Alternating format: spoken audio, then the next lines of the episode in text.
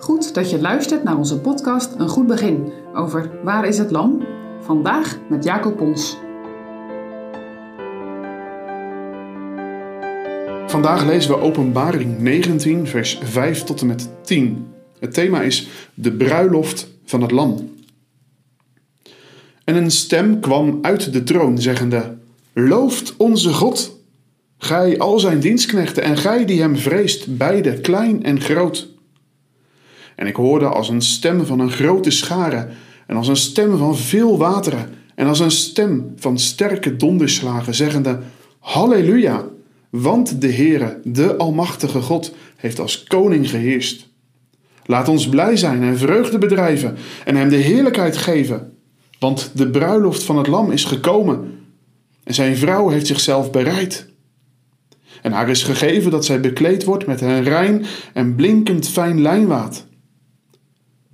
Want dit fijn lijnwaad zal zijn de rechtvaardigmakingen van de heiligen.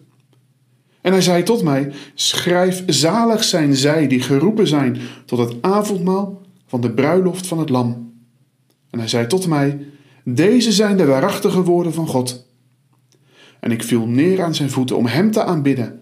En hij zei tot mij: Zie dat gij dat niet doet. Ik ben uw mededienstknecht.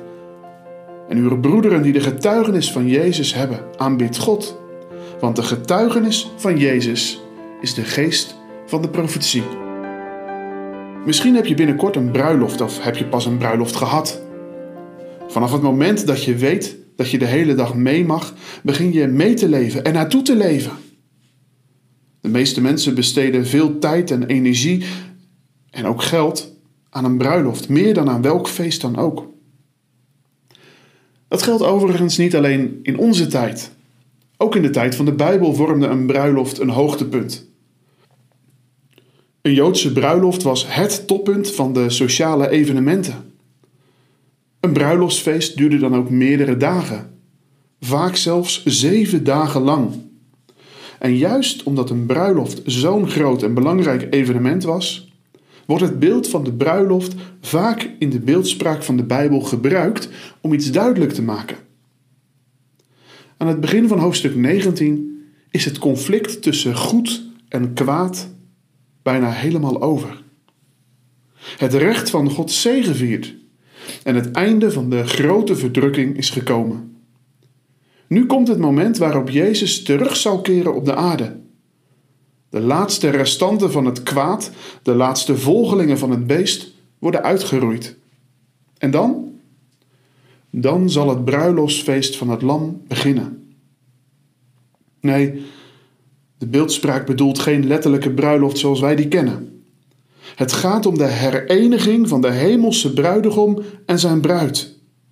Dat is niet zomaar een reden om blij te zijn. Maar Johannes gebruikt hier woorden die laten zien dat dit een diepe en een intense vreugde is. Halleluja, want de Heere, de Almachtige God, heeft als koning geheerst.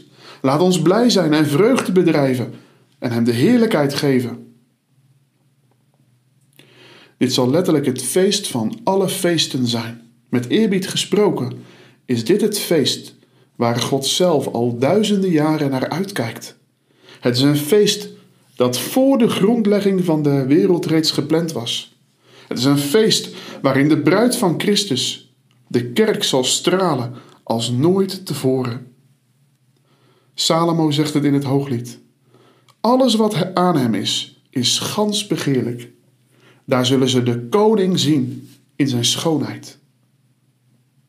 Zalig. Zalig zijn zij die geroepen worden tot het avondmaal van de bruiloft van het Lam. Alle eer, alle glorie is daar voor hem, voor het Lam dat de zonde op zich nam. Ben jij daarbij?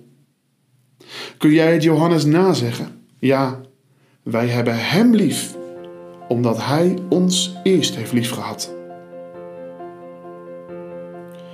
Voor een bruiloft koop je de mooiste kleren. Voor dit bruiloftsfeest zijn er prachtige, witte klederen beschikbaar, gewassen in het bloed van het lam. Zalig ben je als je weet dat er voor jou zo'n bruiloftskleed klaar ligt. Heb jij de nieuwe podcast al gevonden? Zoek op danielonline.nu in jouw podcast-app en kies voor abonneren.